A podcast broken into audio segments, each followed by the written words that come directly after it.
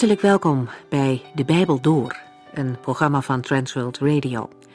De Bijbel Door is een radioserie die u in vijf jaar meeneemt door de hele Bijbel.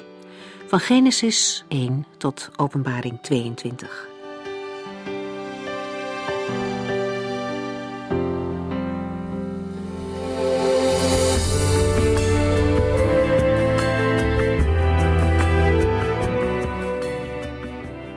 In onze vorige uitzending maakten we een begin met de tweede Thessalonicensebrief van de apostel Paulus. Paulus heeft deze brief waarschijnlijk een paar maanden na zijn eerste brief geschreven, toen hij nog met Silas en Timotheus in Korinthe was. De brenger van de eerste brief heeft hem mogelijk bijgepraat over de situatie in de gemeente, waarop Paulus deze brief heeft geschreven. In Thessalonica lijden de christenen nog steeds onder vervolging en Paulus prijst hen om hun trouw in deze moeilijke situatie. Ook bemoedigt hij hen door te wijzen op de komende heerlijkheid. Er zal een tijd komen dat het lijden voorbij is en de christenen mogen genieten in Gods heerlijkheid. En daaraan mogen zij vasthouden. In deze brief gaat Paulus met name in op een misverstand dat in de gemeente was ontstaan. Verkeerde leraren hadden namelijk beweerd dat de grote dag van de Heer al gekomen was. En Paulus noemt een aantal gebeurtenissen op die voorafgaan aan die grote dag, zodat duidelijk wordt dat het nog niet zover is. Maar die verkeerde leer had echter al wel gevolgen gehad. Verschillende gemeenteleden waren gestopt met werken en ze leefden op kosten van anderen in de veronderstelling dat het einde van de tijd gekomen was. En zo ontstond er verslapping en luiheid in de gemeente. Paulus geeft hen de opdracht om zijn voorbeeld te volgen en in hun eigen onderhoud te blijven voorzien. Als ze dat niet willen doen, dan moet de gemeente maatregelen nemen. Het is duidelijk dat christenen niet lui moeten berusten in afwachting van de grote dag, maar dat ze zich in de tijd die er nog is, juist in moeten zetten om het evangelie in woord en daad uit te dragen. We gaan verder met deze brief, waarin de wederkomst van de Heer Jezus centraal staat. 2 Thessalonicense 1 vanaf vers 3.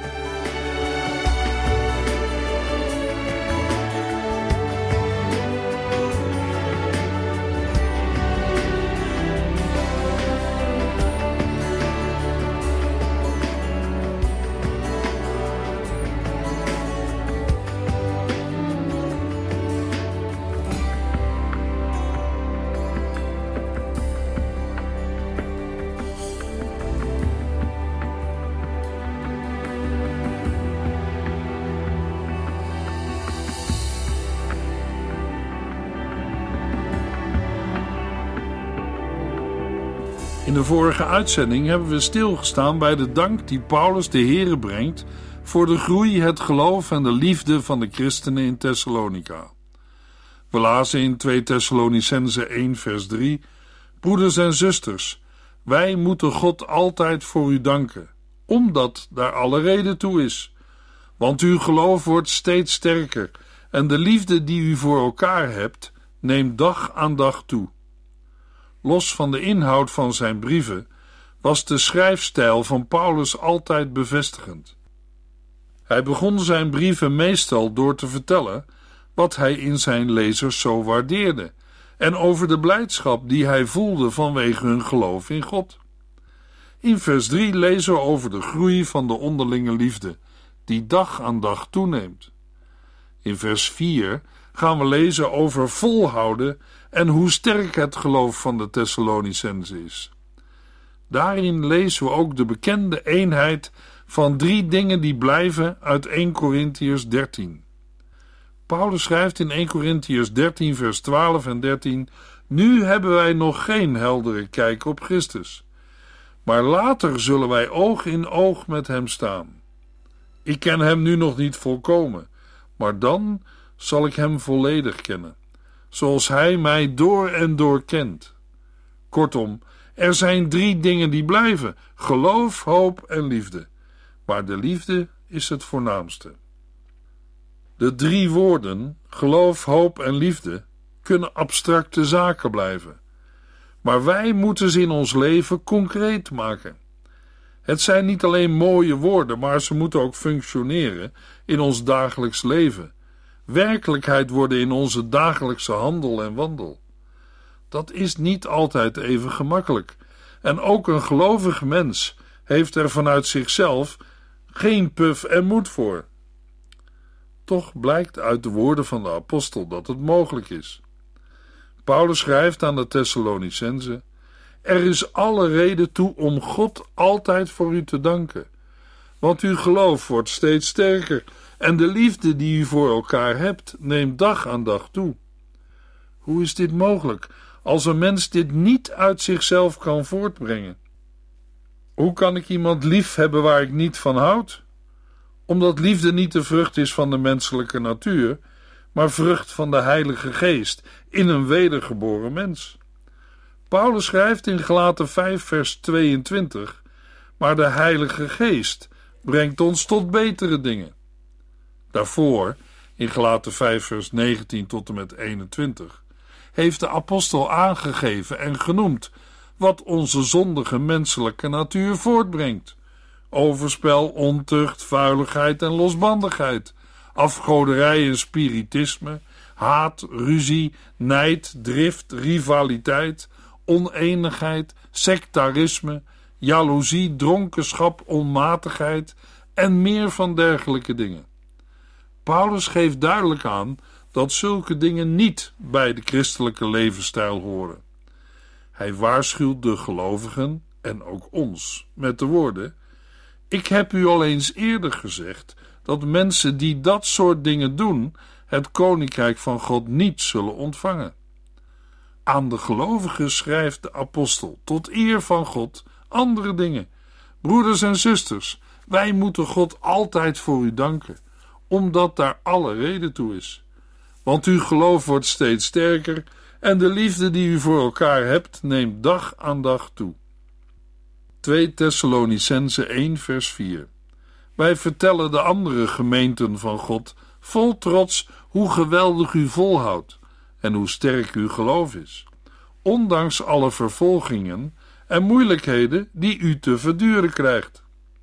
Het prijzen van de gelovigen in Thessalonica door Paulus slaat niet zozeer op het groeien van hun geloof en liefde, maar meer op de volharding en het volhouden in verdrukking en vervolging. Het is mogelijk dat de Thessalonicenzen de lof die hun in de eerste brief werd toegezwaaid, hebben afgewimpeld. In vers 4 wil Paulus nu ook zelf de terechte complimenten bevestigen. Niet alleen anderen spreken vol lof over hen, maar nu doen Paulus en zijn medewerkers het ook. In 1 Thessalonicense 1 vers 8 tot en met 10 schreef de apostel: Van u uit heeft het goede nieuws verder zijn weg gevonden, tot ver over de grenzen. Waar wij ook komen, horen wij over uw geloof in God. Wij hoeven het zelf niet meer te vertellen, want de mensen vertellen ons hoe u ons met open armen hebt ontvangen en dat u zich van de afgoden hebt afgekeerd om nu de levende en ware God te eren en te dienen.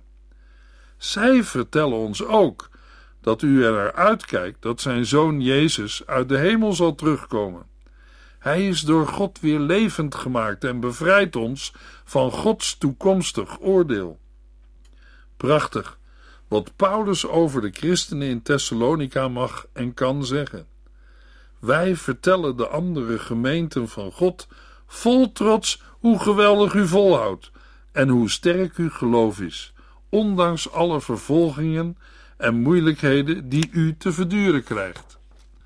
De woorden vervolgingen en moeilijkheden geven aan dat de Thessalonicenzen niet in een ideale situatie leefden, maar wel volhielden.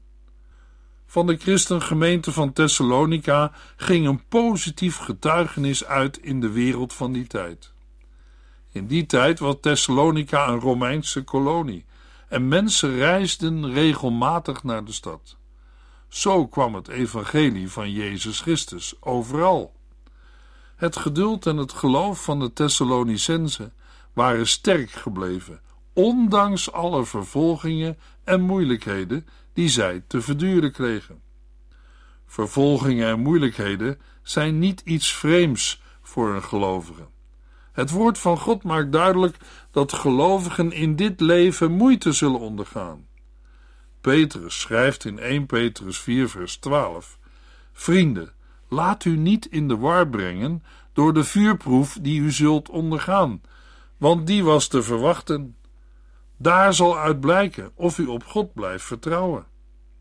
Soms kan ook bij christenen de vraag opkomen: waarom moet mij dit overkomen?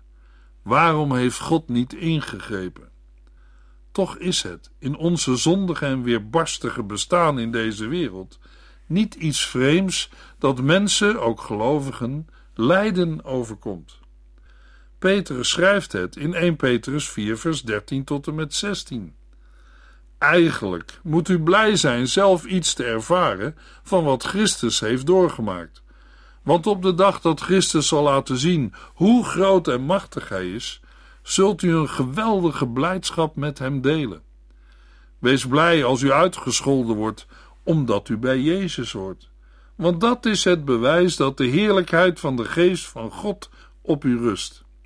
Maar laat niemand moeten lijden omdat hij een moord, diefstal of een andere misdaad heeft begaan, of omdat hij een bemoeial is.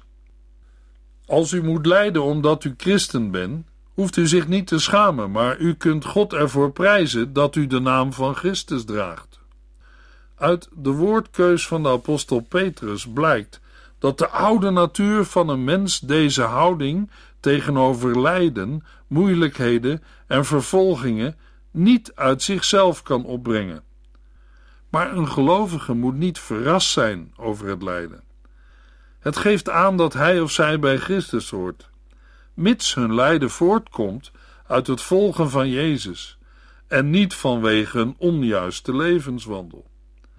Met dit laatste laat Petrus de waarschuwing horen dat ook christenen zichzelf soms in problemen kunnen brengen door een onjuiste levenswandel of met een verkeerde keuze of besluit.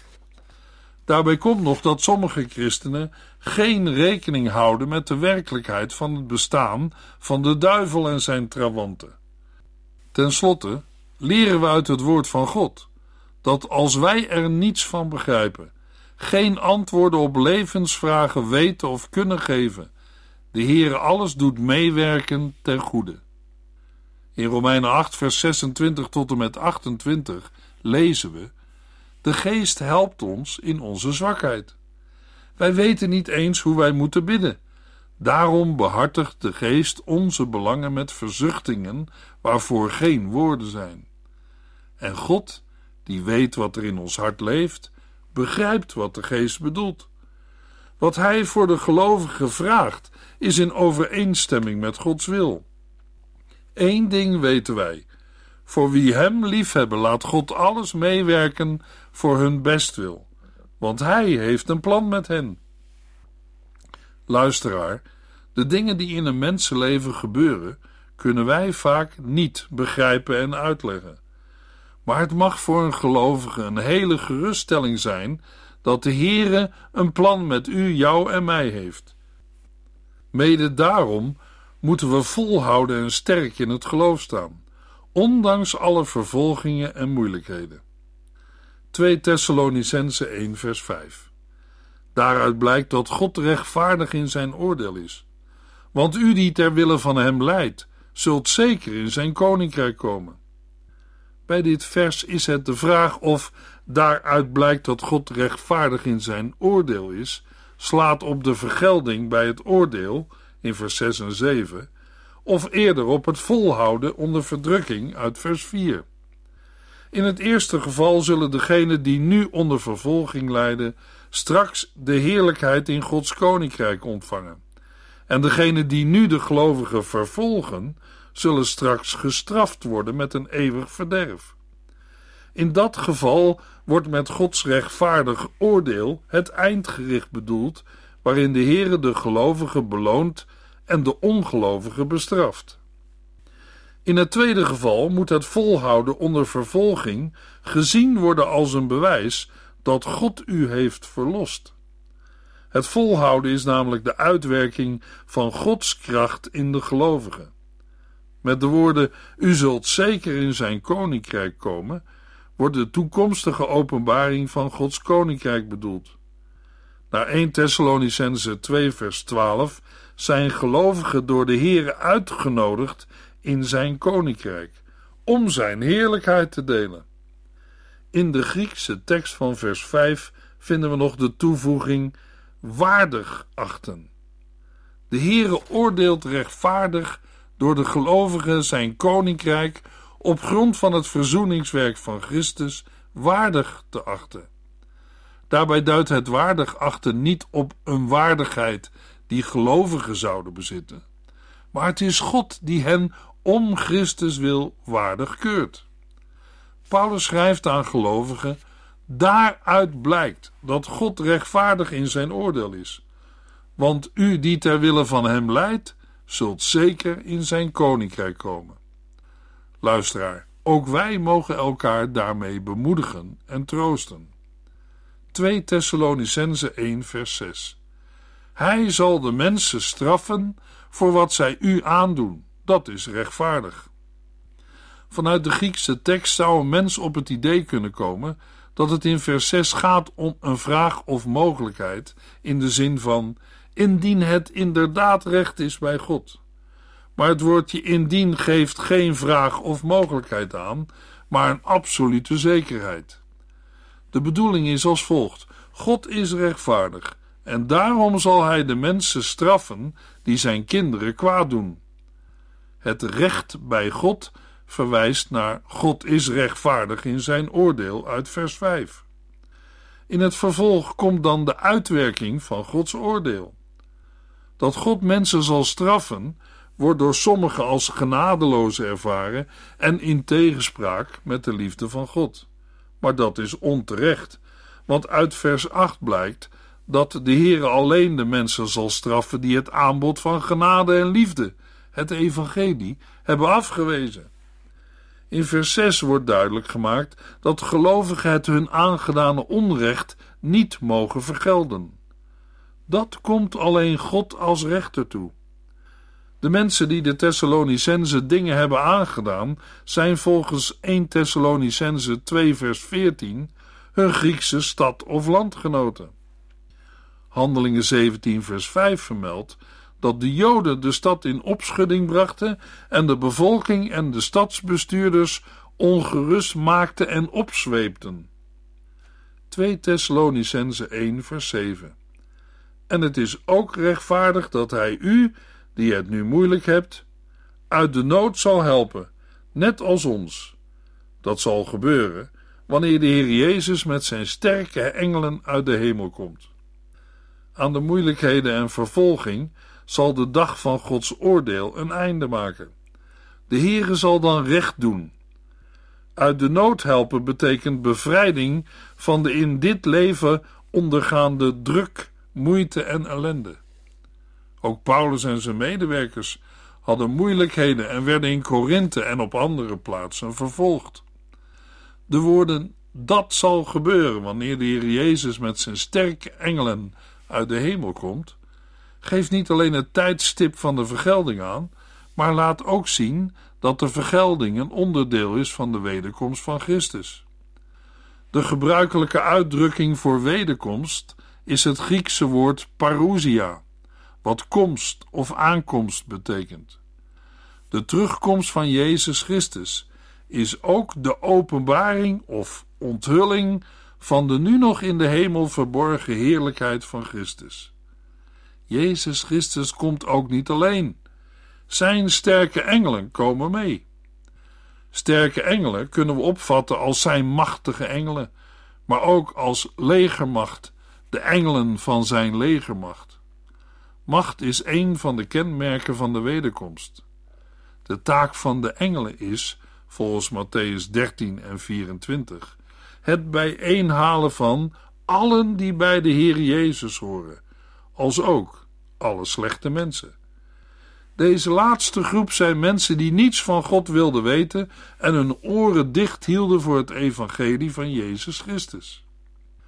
2 Thessalonicense 1 vers 8 en 9 Als de Heer Jezus met zijn sterke engelen uit de hemel komt, zal hij in een laaiend vuur laten zien wie hij is.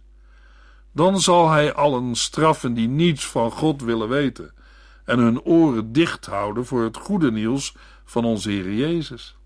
Hun straf zal de eeuwige veroordeling zijn.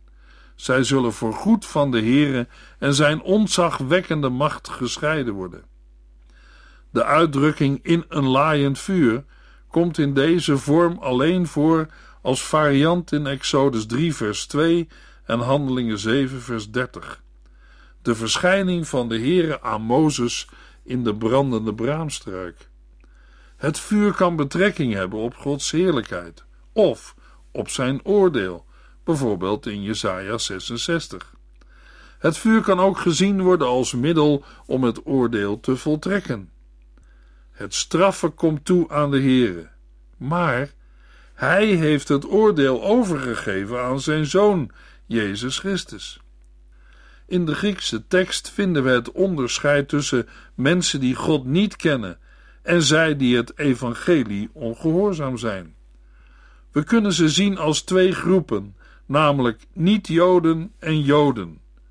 Beide waren zij vervolgers van de christelijke gemeente. Van niet-Joden kan gezegd worden dat zij God niet kennen, maar daarmee zijn zij niet verontschuldigd. Paulus geeft daarvoor argumenten in Romeinen 1, vers 21. De Joden kennen God wel, maar waren ongehoorzaam aan het evangelie. Met ongehoorzaamheid wordt hier ongeloof bedoeld. Andere uitleggers zien de genoemde onderscheiding niet en vatten de woorden op als een Hebreeuwse versvorm, waarbij op twee manieren hetzelfde wordt gezegd. Hun straf zal de eeuwige veroordeling zijn, geeft aan dat het gaat om een door een gericht bepaalde rechtvaardige straf. Deze straf is de eeuwige veroordeling, niet een definitieve vernietiging, maar een eeuwigdurende straf of pijniging. De aankondiging van een eeuwige straf in de hel vinden we bijvoorbeeld in Marcus 9. Die straf houdt in dat de ongelovige voorgoed buitengesloten wordt, ver van God en zijn heerlijkheid.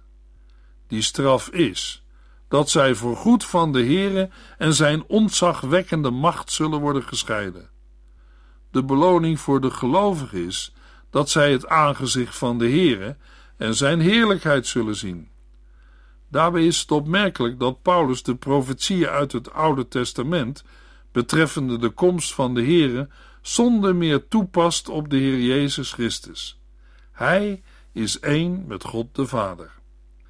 2 Thessalonicense 1 vers 10 Dat zal gebeuren op de grote dag waarop Hij komt om geëerd te worden te midden van hen die Hem toebehoren en bewonderd te worden te midden van hen die op Hem hebben vertrouwd. En u zult daarbij zijn, omdat u hebt geloofd wat wij u over Hem hebben verteld. De komst van de Heer Jezus betekent niet alleen de openbaring van Zijn heerlijkheid, maar ook de verheerlijking van de gelovigen. De heerlijkheid van de Heer Jezus Christus zal in Zijn volgelingen openbaar worden. Zij zullen Hem gelijk zijn.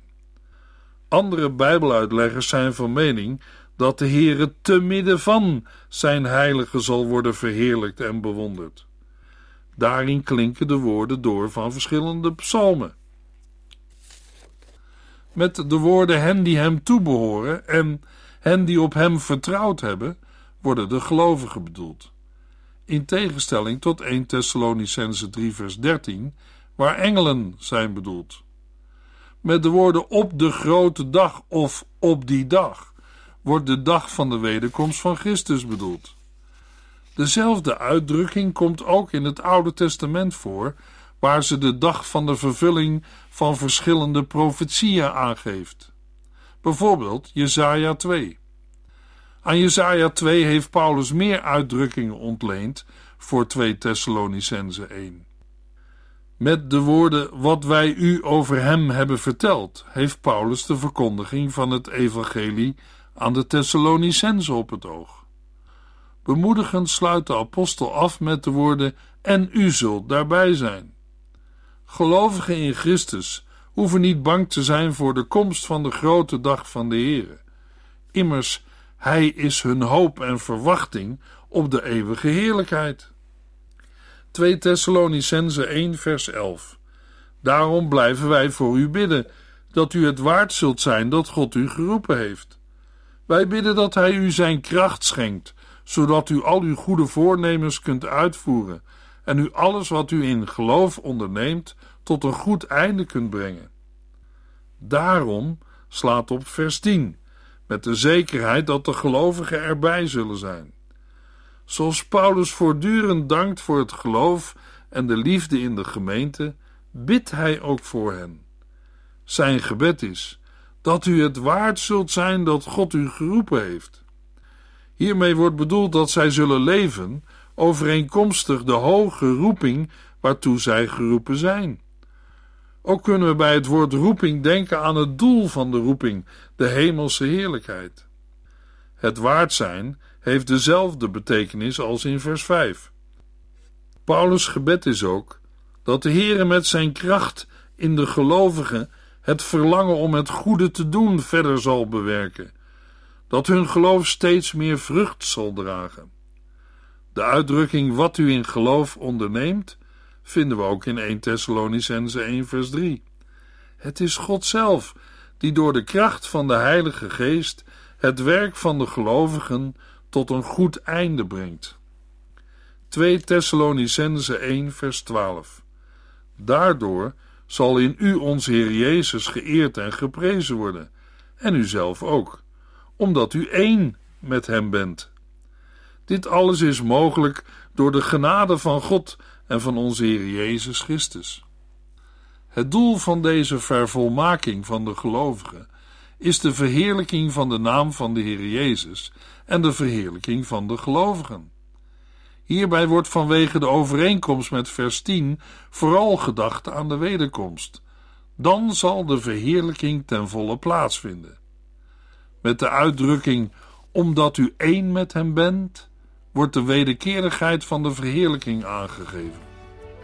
Dezelfde gedachte vinden we in Johannes 17. In de volgende uitzending lezen we 2 Thessalonicense 1 vers 10 tot en met 2 vers 9.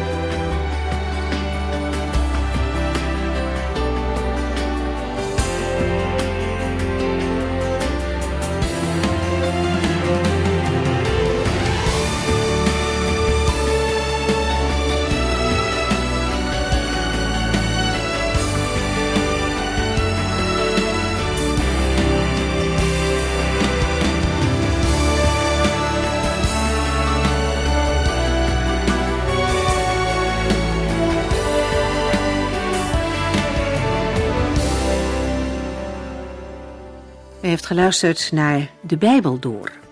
In het Nederlands vertaald en bewerkt door Transworld Radio. Een programma waarin we in vijf jaar tijd de hele Bijbel doorgaan. Als u wilt reageren op deze uitzending of u heeft vragen, dan kunt u contact met ons opnemen. Tijdens kantooruren kunt u bellen op 0342 47 8432. 0342 47 8432. 32. Ook kunt u een e-mail sturen naar de Bijbel door transworldradio.nl en natuurlijk kunt u ook via de post ons bereiken. TWR, postbus 371, postcode 3770, AJ in Barneveld. Dit programma werd gepresenteerd door Cor Weda en Ike André. Techniek was in handen van Odin van Woerdekom. En wij allemaal bedanken u voor het luisteren. Graag tot de volgende keer.